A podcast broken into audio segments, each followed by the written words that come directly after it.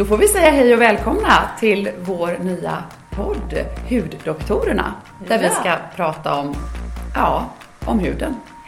Om eh, huden, eh, hudsjukdomar, hudvård, allt egentligen. Ja.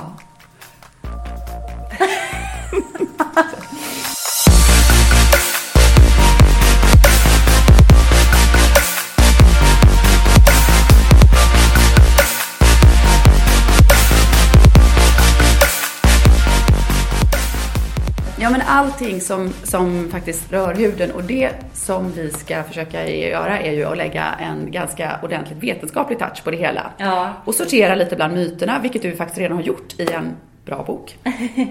Tack så mycket. Ja, och det här ska bli så spännande. Vi har ju funderat på det här några månader och nu verkligen tagit eh, steget till detta. Eh, vad är anledningen till att du tror att eh, det här kan... Nej men jag tror att det finns ett jättestort behov av att eh, få lite tänker jag i alla fall, liksom rätlig, rä, eller riktning eh, bland alla på något sätt mer eller mindre goda råd om hur man ska hantera huden. Oavsett om det gäller sjukdomar eller hudvård eller sådär så känns det som att det fullständigt svämmar över av, eh, ja som sagt var, mer eller mindre vetenskapliga råd. Och eh, ja, jag har ju sett jättemycket patienter och eh, kan ju liksom verkligen se att, att ja, som sagt var, råd är mer eller mindre goda och, eh, och en del följer ju eh, de här råden eh, på ett sätt som ja, inte alltid är lyckosamt. Och jag förstår att man inte riktigt vet vad man ska, liksom, vem ska man tro på tro på, lite grann som det Leva sa på 80-talet. Så att eh, lite grann sortera och städa bland eh, den typen av myter. Och du själv då? Ja, nej men jag eh, har jobbat inom, dels inom experimentell, experimentell dermatologi och mer akademisk forskning, men sen också de senaste åren inom hudvårdsbranschen. Och det som slog mig mer och mer, det är att det är ett sånt eh, specifikt fenomen, eh, hela den här branschen. För att människor nu de senaste tio åren har ju varit väldigt intresserade av hälsa och man söker kunskap. Ofta så blir man ju lite klokare genom att läsa. Och är man bästa fall, göra, ja.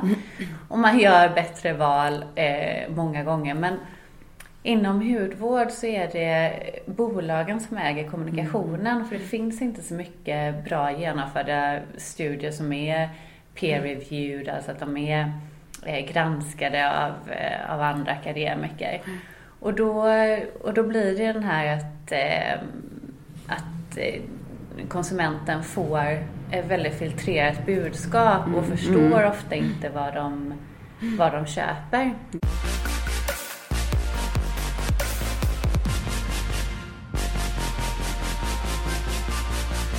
Hur var din helg Johanna? Jo, den var, den var strålande. Det har ju blivit lite bättre väder nu. Härligt. Ja, härligt. Äter du nyttiga saker för att eh, bibehålla din fantastiska hud? Gud, alltså där måste jag faktiskt säga att jag jobbade ju med eh, en dietist i hudbibeln. Eh, så att jag har ju som hudforskare, och jag tror vi är på samma nivå där, så har man ju alltid faktiskt eh, bortsett kosten lite. Jag tyckte att nej men det, det spelar inte så stor roll. Plus att man inte har sett så mycket studier på det. Men jag måste säga att jag lärde mig faktiskt mycket för jag började läsa på om många studier. Och så, eh, sen får man göra, alltså titta på det är mycket av de här studierna som har gjorts på, bara på in vitro, på celler och sådär. Mm. Så att det är kanske inte helt eh, översättbart. Men jag måste säga att jag äter eh, mycket ja, men, ämnen med lite så här. Det heter, vi kan ha ett helt program om det här. Det ska vi ha, tycker jag. Ja, senolytisk effekt. Och Vad heter det? Senolytisk. Och se, senescens. Vad betyder det? Ja, intressant. Senescens handlar om, det är när våra äl- eh, celler åldras egentligen. Ja, ja, ja. Mm. Så, och då finns det någonting, och det här är ju, det är ju, skulle ett företag komma på någonting som Ja. minskar våra cellers åldras, då Ja. är de ju hemma. Såklart. Och det har man inte kommit på ännu. Men det finns ett begrepp som heter senolytics Ja. och det handlar om att eh, man då föryngrar cellerna, att man tar bort celler som håller på att åldras. Och, eh, och då finns det vissa ämnen i kosten som faktiskt kan eh, hjälpa till med det här. Och då oh, är berätta, det, vad kan det vara för Ja, något? då kan det vara, då är det olika ämnen i, delvis polyfenoler, sen finns mm. vet, det färgade grönsaker och sådär. Tomater? Eh, inte, jo, tomater finns det någonting som heter naringenin. Ah, det är ja. ett ämne faktiskt som mm. eh, har den här senolytiska effekten. I äpple finns det mm. ett ämne som heter fisetin. Mm. Så jag äter mycket äpple. Jag har börjat äta mycket mm. alltså, färskpressade sådana här råsaft av blåbär som är, innehåller mycket ja. resveratrol som också mm. har senolytiska det här att, låter helt eh, fantastiskt. Ja. Det här blir ett helt program. Ja. Gud vad spännande. Så det är det du har ätit i helgen då? Bara sådana här saker? där, kom, där, där fick du till det. Där fick du till det. Nej, äh, jag, jag äter sådana här saker också men sen, sen måste jag säga att jag, jag åt en påse chips till middag igår. Underbart att höra. Ja, även solen har sina fläckar. Ja, exakt. Vilken sort sa du? Väst, Västkustchips. Ja, ja. såklart. Vad skulle Oj, sorry, nu gör vi världens reklam här, men de är väldigt goda. Men det är bara att vi, vi kommer från västkusten. Det är bara därför vi tycker ja, så mycket om dem antagligen. Ja, men den är väldigt bra, precis. Och de är precis inte så. bra för huden. Så nej, inte, nej, nej det måste vi nog faktiskt säga. Ja. Nej. Men du ja. där? Nej, vet du vad, jag har faktiskt inte det. Jag är lite, ja, är, jag tycker att jag har läst på en del och försökt hitta, men eh, inte kanske tillräckligt övertygande. Um, Eh, ja, information om, om eh, att, att det verkligen hjälper på något mm. sätt. För det är precis som du säger, många av de där studierna man har gjort är ju mer så här att ja, man har tittat på så här, pigga celler i ett provrör och så har man sett att ja, de ser lite piggare ut om man får. Men, men vad som verkligen händer i själva huden känner jag mig, jag är inte helt, helt, helt övertygad. Jag, jag hoppas att det är så. Mm. Men jag har inte mm. sett så, de här riktigt övertygande resultaten. Men jag hoppas att du ska berätta mer om ja, det. Ja, men ska mig, för jag har blivit lite mer mm. så vi har Underbart. Vi tar ett helt program om det. Det tycker jag. Om kost och eh, Senolytics helt enkelt. Ja, just det. Mm. Men äter du annars då? Är du supernyttig? Nej, men jag försöker, jag är eh, jag är sån där som, jag är nyttig några dagar och sen så eh, måste jag faktiskt också ibland äta en påse chips. En påse chips och dipp och precis som du säger, till middag.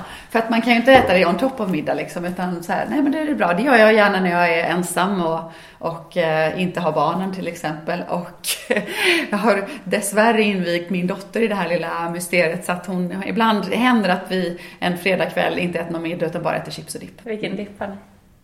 Eh, alltid sour cream onion. Men gud, jag älskar också det. Här har vi vår gemensamma nämnare. det är bara ja. sour cream för mig. Ja. Mm.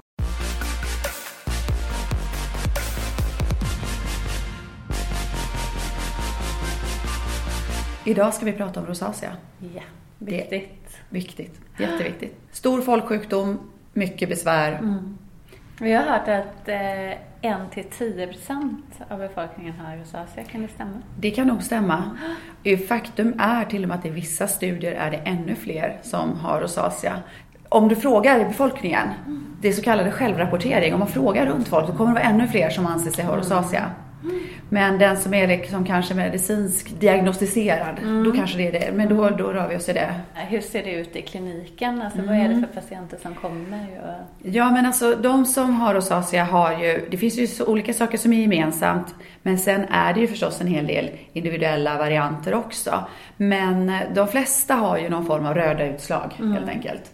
Röda prickar, vi kallar dem för papler, alltså röda, mm. liksom, röda utslag i ansiktet. Ibland är de även lite så här gulaktiga som kallas för pussler då. Så att, eh, och då har man det spritt i ansiktet många gånger, centralt på kinderna, vid mm. näsan. Men det kan vara i pannan och haka och sånt också. Mm. Hur vet man att det inte är akne? Ja, bra fråga. Eh, ibland är det svårt. Det kan vara supersvårt även för oss ibland att, att särskilja. Men de flesta rosacea-patienter är ju äldre än mm. akne-patienterna. Mm. Ungefär vilken åldersgrupp? Ja men det kan ju vara i och för sig, alltså, det kan ju vara redan i 20-årsåldern. Vi mm. har, alltså det finns ungdomar, det finns mm. tonåringar med rosacea också, men det är mycket ovanligare. Men om vi ska säga det vanligaste så är det väl att eh, de är kanske ändå ja, unga vuxna och uppåt, alltså mm. till hur, hur gammal som helst egentligen. Och det har ökat va? Det ökar, absolut. Mm. Eh, och eh, ja, varför vet man väl inte, inte riktigt. Men, eh, nej, men om man säger just det här med att skilja det från akne är ju också, dels är det kanske åldersgruppen liksom är lite olika och sen de flesta patienter som har akne eh, liksom, har ju också ganska mycket besvär med det som vi säger orenheter i huden. Det är liksom pormaskar och grejer. Och, och det hör inte riktigt hemma hos rosacea-patienten. Mm. Så att eh, vi brukar säga att om man har liksom eh, utslag, röda utslag och, och sådär och, ja, och inte har direkt något mycket pormaskar mm. och sånt där så talar det mer för rosacea i alla fall. Mm. Men, men det som jag säger, ibland är det svårt även för en hudläkare. Man kan inte vara mm. hundra liksom. Hur skiljer man den här lite kanske vuxenaknen också? Mm. Kanske äldre, liksom medelålders kvinnor med mm. akne och så vidare. Som, eh, som kanske alltid har haft akne och så vidare. Ja, det, det kan vara mm. lurigt men för det mesta går det bra. Nej men det här med utslagen, det, det, det är väl nästan så att de flesta har eh, de här röda prickarna. Liksom. Men däremot så finns det ju också ett inslag av liksom någon form av konstant ökad rodnad i ansiktet. Mm. Eh, det är de här fjärilsringarna Ja, många är, och det kan, det kan, vara, det kan vara rött, eh, precis som du säger, på mm. kinderna mm. ut så. Det kan vara rött i hela ansiktet ibland. Mm. Det kan bara vara liksom, eh, ja. Men det finns en speciell variant av rosacea som heter erytematös rosacea. Mm. Det är så här liksom, det betyder, erytematös betyder egentligen bara rodnad. Mm. Men, eh, och där man i princip bara har extremt ökad rodnad. Mm. Och då tänker, det är det här tror jag ibland som många har hört och så tänker alla, så fort, att, så fort jag är lite röd i ansiktet så tänker alla, men jag har nog rosacea, jag brukar bli röd om kinderna när det blir varmt. Eh, och, och, och, ja, och så. så att, eh, men allt som är rött är faktiskt inte rosacea. Nej. Men, eh, men en del har ju eh, alltså, en påtagligt vi säger, förhöjd så här grundrodnad, att man nästan alltid är knallröd i ansiktet. Och en del eh, eh, blir det kanske mer vid ansträngning och så. Så att eh, den är ju lite svårare att diagnostisera. Mm. För att eh, mm. det är ju så här att det finns ju ingen egentligen, eller det finns ju inga prov man kan ta för att säkerställa diagnos utan det är ju någonting man så att säga man får lite lägga ihop ett och ett och se och, hur det ser ut och så. Och det är ju väldigt intressant det där för att Tittar man på vilka studier som görs och så, mm. så är det ju svårt, både med rosacea, med akne och allting som vi har mm. lokaliserat i ansiktet mm. egentligen. Där kan man ju inte ta biopsier, så det är ju väldigt svårt att göra mm. och analysera detta. Men mm. tittar man till exempel på psoriasis eller mm. atopiskt eksem, där kan du ju ändå ta biopsier på det kan man göra, absolut. Det händer att vi tar biopsier även vid rosacea, men det är egentligen inte för att säkerställa en rosacea-diagnos, utan det kan vara så att vi inte får ordning på rosacean, eller säga att den inte svarar. Då kan man börja undra, men gud, kan det vara något annat? Mm. Och då tar vi biopsi, händer det faktiskt att man tar biopsier. Liksom. Och visst, det blir ett litet ärr, men, men ibland, man får diskutera med patienten innan. Ibland är det nästan nödvändigt ändå kanske mm. för att, ja, det finns ju andra mycket mer ovanliga diagnoser som kan härma rosacea, eh, så att säga. Och vad tror du om orsaker till rosacea? Ja, eh, det finns ju eh, det alltså jag säger som vanligt, ett, ett svar på väldigt många hudsjukdomar är ju tyvärr alltså att det här att vi har en genetisk benägenhet mm. att reagera med rosaceautslag mm. när vi, när vi, ja. Det är nog det som är själva bakgrunden. Det är inte att man har ätit fel eller att man har sådär. Men däremot så är väl frågan då vad som triggar rosacea om man nu väl har den här mm. genetiska benägenheten. Och där är ju lite olika eh, Ja, egentligen, jag tänker så här, om vi går tillbaka till själva rosacean så är det ju inflammation. Liksom. Mm. Vad är det i de här röda prickarna som jag har pratat om? Eller det här, det är ju bland annat då, det är ju så här, talgkörtlarna blir ju alltså inflammerade. Mm. Det blir ju som en inflammatorisk reaktion runt dem och då svullnar de och blir röda och, och så. Och varför triggas det då? Ehm, till exempel så vet vi att eh, solen frisätter vissa proinflammatoriska, alltså sådana här mm. infla- ämnen som stimulerar inflammation. Mm. Det finns något som heter katelecidin. Mm. Det stimulerar ju, eh, så, så, solen frisätter, mm. ökar, ökar mängden av det här mm. ämnet i huden. Mm. Och då är det så, men varför får inte alla rosacea i solen? Nej men för alla har inte den genetiska benägenheten. Nej, precis, precis. Och då får en del eh, men har man den så kan man då reagera negativt på det här inflammationsdrivande ämnet och få liksom en inflammation i sina talgkörtlar. När man pratar om inflammationen där, hur mycket tror du, för det, det finns ju till exempel en medicinsk behandling som verkligen eh, är ett insektsmedel mot rosacea, alltså Demodex kvällsten. Ja, just det. Ivermektinen där. Ja. Eh, vad, hur mycket tror du att den här kvalstern faktiskt har att alltså, göra med? Ja, den, har, alltså, den är ju tyvärr inte avgörande. Därför att man trodde ju det när man Mm. hittade Demodex som alltså är pyttepytte, ja det, är, man, det här Mm. är så här som jag brukar säga för parasitofobiker, de som tycker så här är läskigt kanske ska sluta lyssna nu men vi har ju alla sådana här kvalster, Mm. Demodex-kvalster på, på huden och de sitter ju i våra por, porer. Mm. De sitter liksom med huvudet neråt, svansen upp och tittar du i förstoring så kan du ju verkligen se de här svansarna Mm. sticka ut va. Lite läskigt, det tycker faktiskt jag också. eh, och, och de gillar inte dagsljus men på natten så lämnar de en por och så kryper de till en annan. De finns våra Visst är det vidrigt? Ja, jag vet. Nej men när man upptäckte det här eh, för ett par decennier sedan, då tänkte man ju att wow, det är det här som ger rosacea. Grymt, nu har vi liksom eh, eh, förklaringen. Eh, så. Men tyvärr så gjorde man sen då vidare studier så såg man att massa människor som inte hade rosacea hade precis lika mycket Demodex. Eller i alla fall nästan lika mycket. Så att jag tror så här, eller inte bara jag som tror men jag liksom förstår att forskarvärlden tror jag med dem, att eh, Demodex kan spela in hos dem, återigen, som har någon annan Ja. typ av känslighet. Då kan det spela in. Eh, vi ger ju, precis som du var inne på där, en viss medicin mot rosacea som finns i en kräm.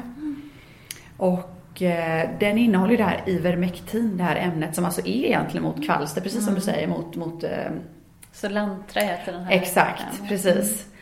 Och den, ehm, den är ju dels dödande ju kvalster, absolut. Men den, vad den faktiskt har, även, den har faktiskt en antiinflammatorisk effekt också.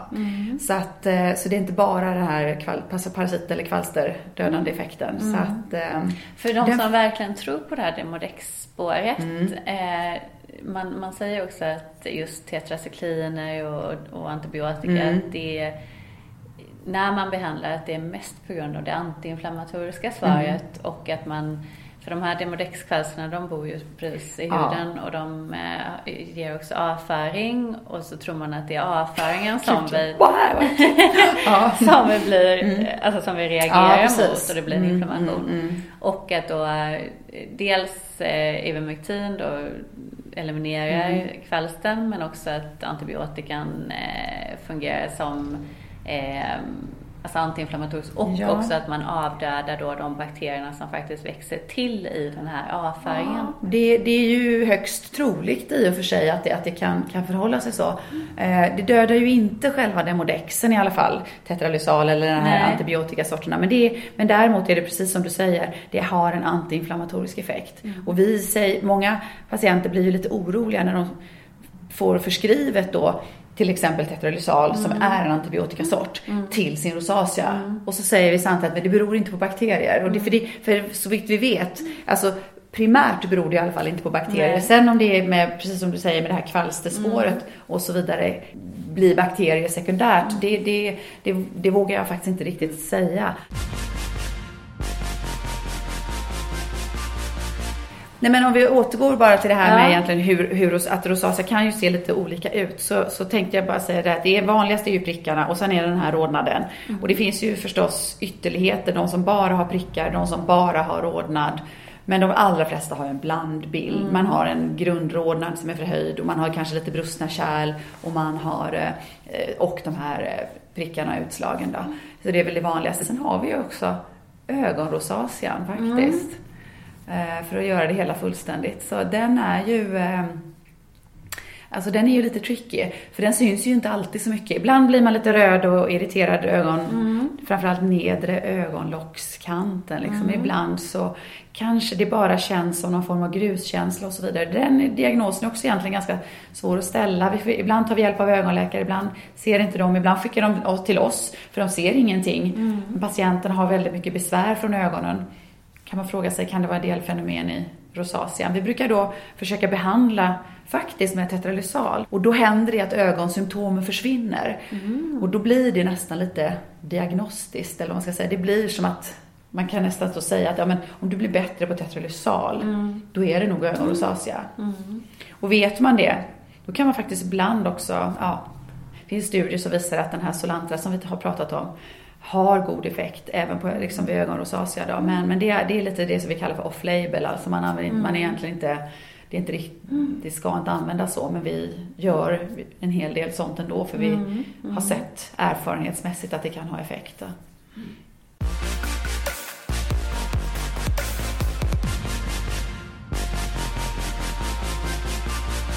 Vi har ju fått eh, en hel del frågor. Verkligen. Eh, och det, är ju, det visar ju bara vilket engagemang det är och hur, hur, hur viktig huden är för oss. Så att, eh, det, det är ju, det leder till så mycket psykosocial stress. Mm. Jo, det är, det är många som upplever att det är jättebesvärligt just att man, det, sitter, det sitter ju mitt i ansiktet. Ja, Absolut. Så att, eh, Men eh, de frågorna som vi har fått in, det är ju, vi kan inte ta alla, men vi pratade ju lite om, om triggers. Just men, eh, Mm. Och du nämnde solen och solen är ju jätteviktig. Mm. Men sen pratar man ju också om ja, men alkohol, kryddig mat och... Ja. Ja, absolut. Och jag brukar försöka säga så här, sammanfatta det egentligen, det mest, allt som får kärlen att vidgas är ju sånt som kan dra igång nya skov av rosacea hos känsliga individer.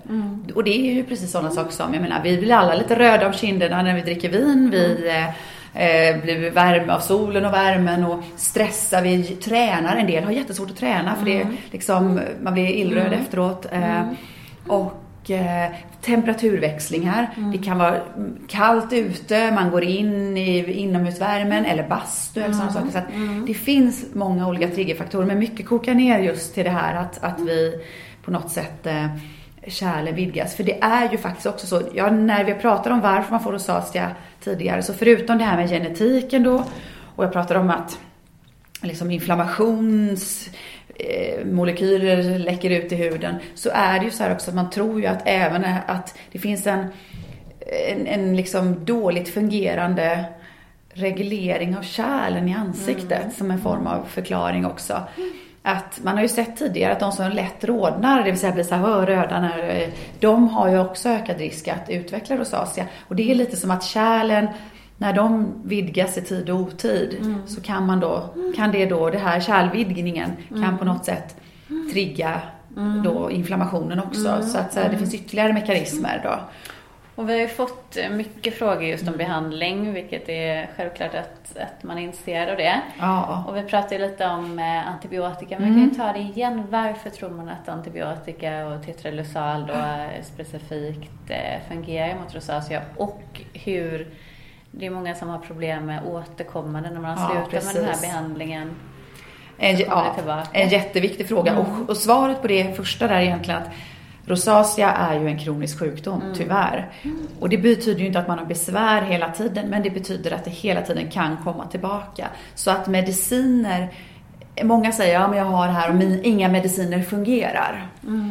Då brukar jag fråga vad är det som inte fungerar då? För att om medicinen fungerar när man använder den, oavsett om det är krämer eller salver eller tabletter, förlåt, så för de allra, allra, allra, allra, allra flesta blir ju faktiskt bra när man äter tetralysal. Man blir bra. Men sen när man slutar så kan det gå Ja, det kan gå två veckor för en del, det kan gå två månader, det kan gå 20 år. Alltså det är jätteolika eh, innan man får nästa skov. Men det är klart, om man äter sina tabletter, slutar med medicinen och sen efter två veckor så kommer allting tillbaka. Då har man ju en upplevelse av att medicinen inte fungerar. Fast den fungerar ju så länge man tar den. Så att det, Men då är det Samtidigt väldigt man täta recidiv. Så att, Man nej, äta nej man vill ju helst absolut inte göra det faktiskt. Nej, så det, det, men det, det, det ser lite olika ut. Men det, men det är viktigt att, eh, tycker jag, skilja på det där. Vad, vad, vad är det som inte fungerar så att säga. Och sen finns det ju Mm. då, alltså, tetralysal är en behandlingsform. Sen finns det som vi var inne på, Ivermectin eller Solantra. Ja, ja. Och det är ju ett,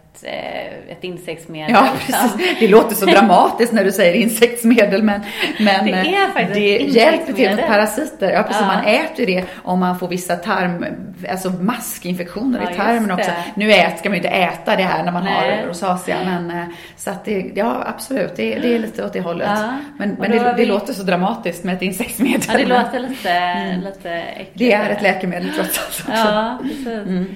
Men där, där ska vi följa upp, tycker jag, hur man kan eh, alltså begränsa Demodexkvalstern hemma och se Ja, om, om ja. det finns eh, sätt att faktiskt begränsa det här. Mm. Det, hade, det tycker jag hade varit väldigt intressant. Det hade varit spännande, absolut. Eh, För även om alla som sagt var inte Demodex inte är liksom grundorsaken till hos alla med rosacea så verkar det finnas en del av dem som har rosacea som ändå kan bli sämre så att det är klart kan man hos dem i så fall ja, eliminera. Vore, ja. Får göra en sån studie och Ja. dammsuga Ja. och hemma hos folk. Och, Ja men att tvätta lakan ja. varmt, tycker, det tror jag faktiskt Ja. är väldigt viktigt. Så, så då har vi tetraidosal, vi har ivermectin som är Solantra.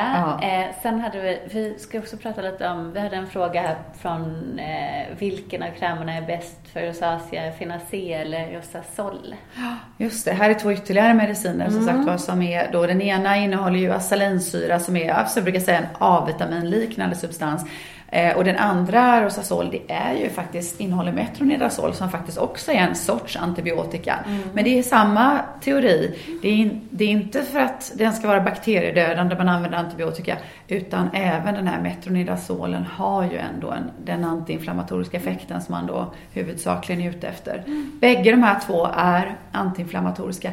Min erfarenhet på något vänster är faktiskt att eh, Finacean är mer effektiv. Men den har också lite mer biverkningar. Så för de som har extremt känslig hy så kan det bli lite Alltså att man kan bli lite irriterad i början.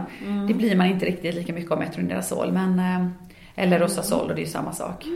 Men eh, ja, men så att jag säger så här. I studier är de mig veteligen liksom Solantra, alla de här tre är likvärdiga i studier. Men man ska ju veta att när de här studier alltså, görs så tittar man ju oftast Patienter vill ju oftast, då vill ju bli bra helst efter två veckor, eller helst imorgon förstås. Men, men studierna som är gjorda på de här krämerna, där ser man ju oftast att de har så här 80-85% utläkning.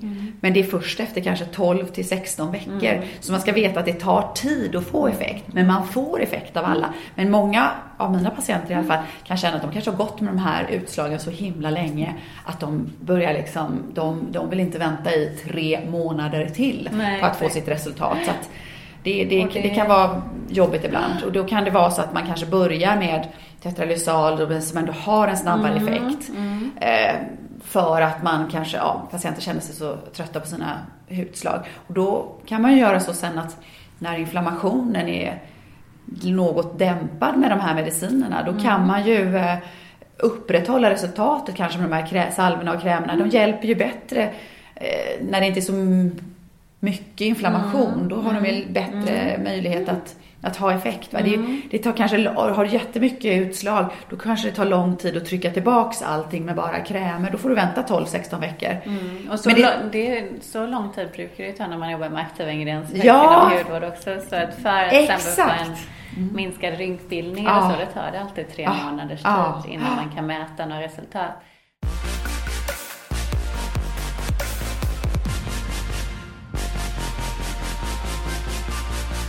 Eh, nu har vi pratat om de här antiinflammatoriska det. Mm. läkemedlen, men vi har ju också ett läkemedel mot rosacea som faktiskt är inte är antiinflammatoriskt. Det. Så det är ju de här att man drar ihop kärlen med Precis. beta-2-adenerga eh, receptoragonister. Så det är ju precis tvärtom egentligen mot eh, vad man vill göra när man har ett högt blodtryck. Då vill man ju få Kärlen att vidga sig. Ja, precis. Och, och nu så vill man att de ska dra ihop sig så att de inte blir lika... Eh, Så att det inte rinner något blod igenom dem Ja. så att man inte blir röd i ansiktet helt Precis. enkelt. Ja. och då Jo. har vi en kräm som... Eh, ja, du kan berätta lite om den. Ja, Mirvaso tänker du på. Det- Ja, just det. Jo, Ja. nej men den är ju... Eh, eh, den kom för några år sedan och, och den, för det är ju faktiskt så här, jag ska återkomma till den, men det är ju så att vid rosacea så har man ju också den här jäkla rodnaden i ansiktet många gånger då. Och den, den är ju väldigt svår att behandla. Eh, man får skilja på vilken typ av rodnad i och för sig man har. För blir man väldigt inflammerad och får röda utslag, då blir man också, då får man ju en rodnad på grund av det. Den rodnaden kan man ju dämpa med de här antiinflammatoriska krämerna, tabletterna och det som vi har pratat om. Men eh, sen finns ju den andra rodnaden som är kärlrodnaden, att du helt enkelt har vidgade kärl. Och eh, de kärlen kan man inte tyvärr kommer man inte åt alls med någon av de här medicinerna. Utan antingen får man göra sån här IPL eller laser till exempel. Ehm, och det hade vi också frågor Ja. om och det är ju ganska verksamt egentligen. Ja, jag tycker vi ska ta frågor kring det sen. För det är, för, för det är faktiskt ganska, det är, det är ändå en ganska viktig del av behandlingen av rosacea. Men eftersom du ändå var inne på de här eh, andra krämerna, eftersom vi har ja, krämerna så, så finns, kom det då för några år sedan en salva som heter Mirvaso och då tänkte man wow, den här skulle nu liksom ta bort, eh, nu skulle man kunna få hjälp med den där rodnaden som ibland faktiskt finns kvar då när man har ätit tabletter eller använt sina andra antiinflammatoriska salvor. Eh, för att den, precis som du sa, drar ihop kärlen. Och den, så här är det att den funkar faktiskt eh, bra, men det är bara tillfällig effekt. symptomatiskt. Därför, symptomatiskt, det är därför jag kallar det lite för så askungekräm ibland. För att för den håller typ precis 12 timmar. Tuck. Så att eh, när man sätter på den på ansiktet så eh, drar den ihop kärlen och den funkar superbra. Man blir kritvit. Man typ ser nästan död ut. Men, nej, men det är faktiskt Men- men Den stänger alla kärlen. och Man blir Ja. helt, och, och glömmer man en fläck, då är man röd där. Så den har väldigt bra effekt. Mm. Men efter typ 12 timmar, tjoff, så slutar den verka då. Då har den liksom verkat Mm. klart. Så då, eh, då, då slås allting på igen. Så Mm. då kan man ju bli, få tillbaka sin rodnad. Och det är som med alla andra de här medicinerna. Det är precis som du säger, det är bara symptomatisk behandling. Det är ingenting som tar bort rodnaden på sikt Mm. eller någonting. Utan det här är något. Och det har inte, jag har några patienter som tycker att den funkar bra och använder den regelbundet. Jag har framförallt några som tar den, kanske de ska till exempel framträda eller något sånt där. Det blir, man blir liksom besväras om man blir illröd i hela ansiktet och på halsen och sådana saker. Då kan man använda den tillfälligt. Men den blev inte en riktigt heller en sån här jättehit som man kanske hoppades på, tyvärr. Men den finns. Och det kan vara ett komplement. Ja.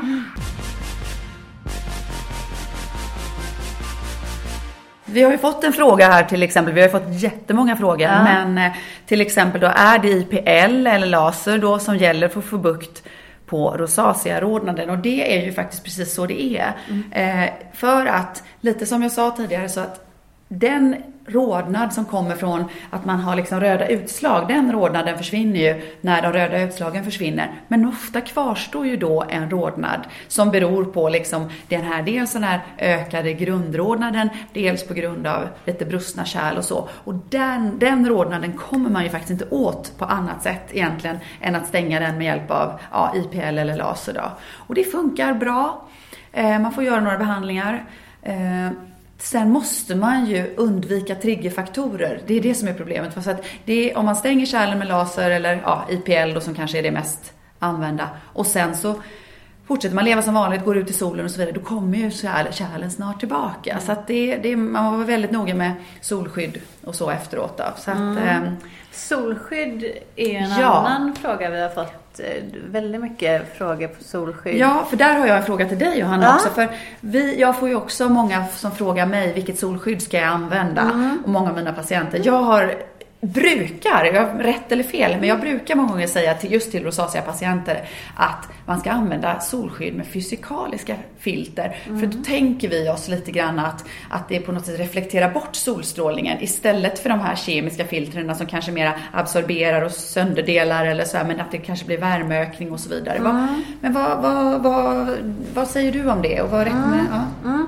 Det där är jätteintressant och det finns, det finns inte jättemycket rena studier på det faktiskt. Men däremot så, ofta gör man ju det här misstaget att man pratar om fysikaliska filter, då är det alltid zinkoxid eller titaniumdioxid. Ja. Det är fysikaliska filter och de, de räknas egentligen fortfarande till de mest hudvänliga fil- filtrerna. Och sen finns det då kemiska filter och där finns det otroligt mycket fler. Så om vi har- Ah. då har de här två fysikaliska filtrerna Ah. så har vi säkert ja, 40 olika Aha. filter. Och då är det väldigt stor skillnad på de här kemiska filtrerna. Så att de som kom för många decennier sedan, det är ju de här oxybenzon, octykrylen, eh, oktysanat. eh, Som man har blivit kontaktallergisk mot idag, är det inte så? Ja, exakt. Och dels kontaktallergi, för att, och det är ju väldigt dum kontraindikation. När man är ute i solen så kan Mm. de brytas ner, de här filtrerna. Så det är ju inte bra. Då faller ju hela poängen med Mm. Och sen har man också sett en potentiell hormonstörande effekt med många av de här filtrerna och också en ekotoxisk. Med alla filter eller? Nej, speciellt de gamla, de äldre mm. kemiska filtrerna. Det är främst eh, oxybenson som också kallas eh, bensofenon, det är samma mm. sak. Octykrylen, eh, oktisalat och dels så kan de orsaka kontaktallergi, mm. eh, speciellt de här tre fetterna. Sen finns det andra som, som också gör det och, och, det finns flera stycken som faktiskt är förbjudna idag för att de mm. orsakar mm. väldigt mycket kontaktallergi. Och sen har man också sett eh, potentiell hormonstörande effekt av dem och också ekotoxisk effekt. Mm, så mm. det är de här filtrerna som har störst påverkan på korallreven. Ja, just det. Man säger att korallreven håller på att dö ut för att det ligger så mycket solskyddsfilter ja, över dem så att de får inget solljus längre. Precis, och det är de tre oh. främst och där har man faktiskt i vissa delar av USA, bland annat Hawaii nu, faktiskt mm. förbjudit solskyddsprodukter med de här tre. Ah. Eh, så, så, det finns äldre varianter av kemiska solskydd, mm. men sen finns det också eh, nyare varianter av kemiska solskydd som är mycket mer stabila. Mm. Och, ehm, och där ska man välja europeiska filter, mm. för FDA har inte godkänt många av de här mer nya eh, filtrerna, men där har man faktiskt inte sett de här negativa effekterna och de är dels är de större i molekylvikt så att de kan inte mm. penetrera lika lätt och orsaka någon eh, alltså irritation djupare i huden. Ah, okay. Och sen är de mer stabila mot solskydd helt enkelt. Så jag skulle säga att fysikaliska filter är fortfarande väldigt bra.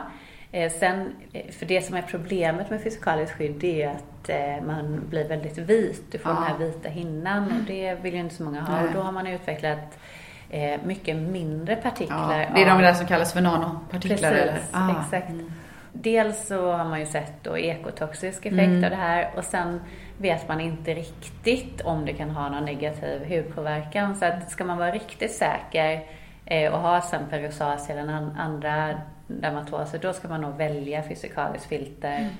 Eh, som inte är nanopartiklar helt enkelt. Ja, Men sen tycker jag också att de här nya kemiska filtrerna kan man också välja. Finns det krämer där man blandar fysikaliska och kemiska då? Ja. För då tänker jag att då får man liksom lite av varje. Det gör man mm. absolut. Så att oftast i de allra flesta fall mm. så, så har man faktiskt både kemiskt ja, ja, och fysikaliskt.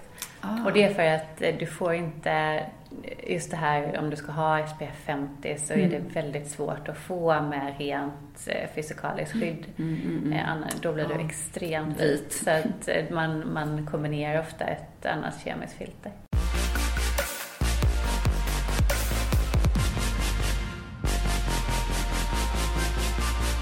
Många frågor rör ju också, med all rätt, kompletterande behandlingar, mm. alltså ja, det som vi kallar för hudvård. Mm. Vad, ska vi liksom, vad ska vi tänka på? Jag brukar tänka så här, mina patienter de får ju mediciner när de har besvär och sen så kanske får mindre besvär. Då vill ju många inte använda mediciner. Mm. Men det måste ju finnas Mass, eller jag vet ju att det finns och mm. jag tänkte fråga dig, var, å patienternas vägnar här, Nej. vad kan man liksom göra? Vad, vad, ska, vad ska man, vad finns det dos and don'ts liksom? Ja. Vad ska man undvika? Vad ska man, eh, vad kan man göra för att till exempel förlänga de här sjukdomsfria intervallerna. Mm. Patienterna vill ju vara besvärsfria så länge som möjligt. Mm. Vad kan man göra under den mm. tiden? Mm. Och vad ska man inte göra? Ja, precis. Ja, men då, då finns det några don'ts då, om vi börjar med det. Så, så negativ här. eh, och det, det är väldigt intressant för att de, Tittar man på män, män och kvinnor så har ju flest kvinnor rosacea och varför vet vi inte. Eh, jag tror att eh, anledningen till att vi ser ökad, ökad eh, prevalens till exempel av rosacea och kanske också perioral dermatit. Jag tror att det beror på vår överanvändning av hudvård och hudvårdsprodukter och rengöring. Mm. Och nu har det kommit fram en väldigt intressant studie som publicerades i PLOS ONE som mm. är en bra tidskrift. Mm. Vi pratade om det innan, att man mm. får urskilja lite vad som är bra och dåliga Verkligen. studier. Mm. Men här har man sett, man har tittat på över tusen personer mm. i Kina eh, som eh, lider av rosacea och så har man tittat på eh, deras eh, hudvårdsrutiner mm. och då har man sett att eh, de här personerna som använder, som tvättar sig två gånger per dag eller mer Oj. har ökad risk Ja. att eh, få tillbaka sin rosacea eller, eller förvärra sin rosacea. Däremot tvättar man sig bara ungefär tre gånger i veckan. Då var, var det en positiv relation, Ah, korrelation. okej. Så då, det, det var positivt för rosacean. Så Man får låta huden vara mer, man låter, då låter man huden vara mer i fred på något Ja, sätt. exakt. Och det, det tror jag, baserat på min erfarenhet av hudvård, Mm. så tror jag att just det där med att vi tvättar oss på morgonen och kvällen, vi har kanske inte bara en rengöringsprodukt utan vi har tre rengöringsprodukter. Det här tror jag är rent av skadligt. Ja, det tror jag faktiskt också. Och eh, så att jag skulle säga, var väldigt noggrann, vaksam med rengöring och använd en mild rengöringsprodukt. Gärna som är testad för känslig hud. Eh, man kan undvika sådana här kraftfulla tensider, alltså tensiderna är rengöringsämnena i, i produkten.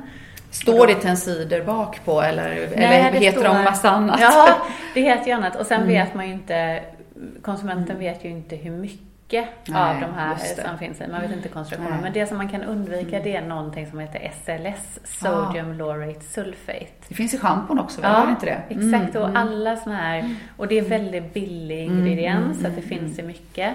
Men, men där har man sett att, eh, att det triggar de här eh, känslighetsreceptorerna. Och, och det gör ju tensider, men speciellt denna. Okej. ja. Eh, så att försök, var försiktig med, med rengöring, det är råd nummer ett. Jag tänkte fråga, Ja, jag är så ja, nyfiken ja. här. Spelar det någon roll om man har, eh, ett tvål ska man kanske inte ha va? Men jag tänker, är det rengöringskräm eller lotion, alltså vad heter det, men typ så tvätt, alltså mer Ja. som tvålaktigt eller en del mer så här rengöringsmjölk. Alltså man ska inte använda en olja med en tensid. Nej. Så det finns ju rengöringsoljor. Mm. För där har man sett att det är större risk att de här tensiderna då stannar kvar på huden. Ah. Eh, så det är Och ligger och irriterar, Ja, liksom. precis. Så det är bättre att använda antingen en gel eller en kräm eller en mjölk d- som, där det finns vatten i produkten. Mm, Ja, ja, okej. Som då löser det här Mm, bättre och det finns inte så stor chans att, att liksom oljan täpper till det här, de här tensiderna. För det kan ju ligga och irritera. Mm, Och det ska man också säga att man ska försöka eh, begränsa allting som kan irritera. Ja. Och då är det väldigt intressant i den här studien då att de hade sett att make-up, eh, om man använder det sex gånger i veckan Mm. eller mer, eh, att man faktiskt förvärrade rosacean. För där har du ju också ämnen i make-upen, kanske konserveringsmedel och sådär. Och sen gäller det då hudvård. Ja, men en mjukgörande kräm är bara bra. Mm. Eh, och det har man också sett en korrelering med positiv effekt av rosacea, att använda en mjukgörande kräm. Och vilken kräm ska man använda ja, då? det får man ju alltid frågan. Ja. Och då ska man använda en så minimalistisk kräm som Ja, möjligt. ja. Alltså försöka att det finns faktiskt konsumeringsmedelsfria produkter. Mm. Då, då tycker jag man ska söka sig till apoteken. Ehm, för det som har hänt nu, och det tycker jag vi ska ha ett helt program om, just det här parabener Ja, och... Mitt och, favoritämne. Ja. Jag för- är inte rädd för parabener, borde jag vara det? Nej, jag är Nej. inte heller så rädd. eh, För, inte, för, inte för hudhälsans Nej. Mm. skull. Sen vet vi inte riktigt om det är så att, att det har, kan liksom tränga igenom huden och det kan ha en hormonstörande effekt. Och det är ju väldigt negativt om det är kan- så. ja. Vi tar ett program om det, det låter Ja, jättespännande. det gör Ja. det. Men, men det som har hänt eh, för en väldigt lång historia kort, det är att vi har bytt ut parabenerna mot eh, ett annat konserveringsmedel som Ja. heter fenoxetanol. Och det här kan irritera en känslighetsreceptor i huden som heter TRPV1. Det kan man vara väldigt känslig för, dels om man har känslig hud men också om man har rosacea.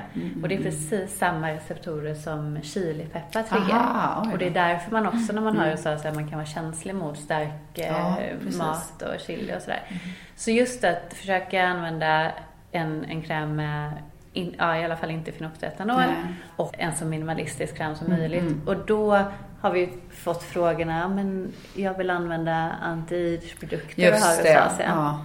Tyvärr är det ju så att har man känslig hud och rosacea i det här fallet, då eh, kan det vara vanskligt att använda hudvård med för mycket aktiva ämnen, eh, bland annat retinol eller syror.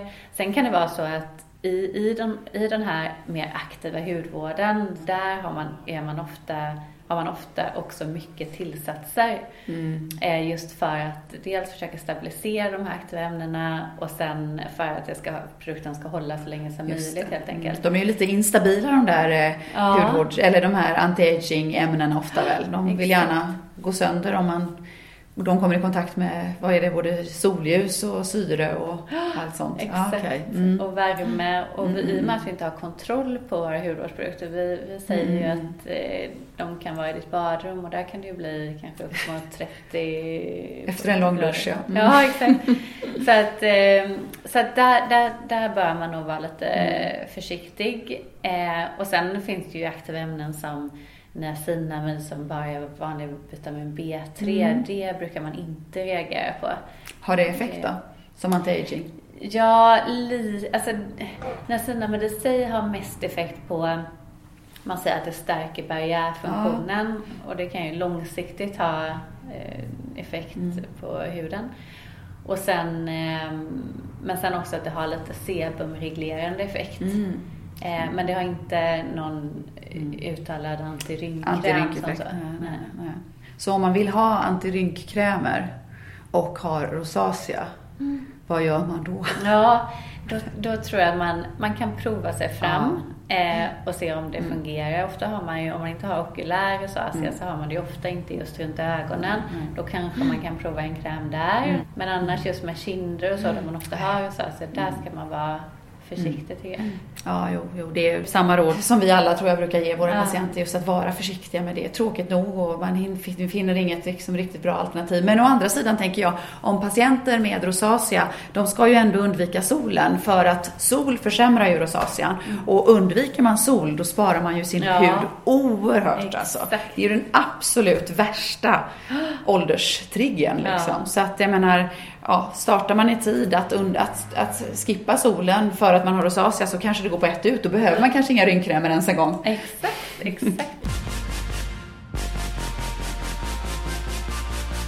Med tanke på antalet frågor som har kommit in så tror jag vi måste fortsätta lite till Ja. med rosacea nästa vecka. Men vi ska också prata om det som vi kallar en släkting till rosacea, perioral dermatit. Ja. För det skiljer sig lite men de har lite gemensamma saker. Ni får jättegärna eh, mejla in eller skriva in på Instagram era frågor eh, om perioral dermatit eller för all del också rosacea.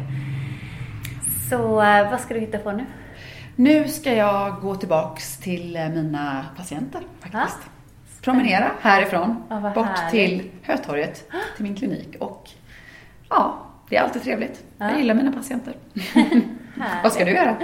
Jag ska välkomna vår nya medarbetare som faktiskt eh, kommer från, eh, direkt från Paris. Ah, Han är formuleringskemist och det är så svårt att få tag på den expertisen i Sverige så vi har fått eh, gå, ja, mm, faktiskt haft en rekryteringsprocess eh, utomlands och Wow. nu är han på plats så att jag ska vad kul! välkomna honom. Ja, det ska bli jättekul. Har han suttit i karantän, Ja, coronakarantän? Han har faktiskt varit i Sverige nu i Aha, några okej. månader. Men det är första dagen på jobbet för, hos oss för honom. Vad roligt. Så det ska bli Lycka till då. Tack, tack. Vi hörs Men vi ses. ses. Ja. Ja.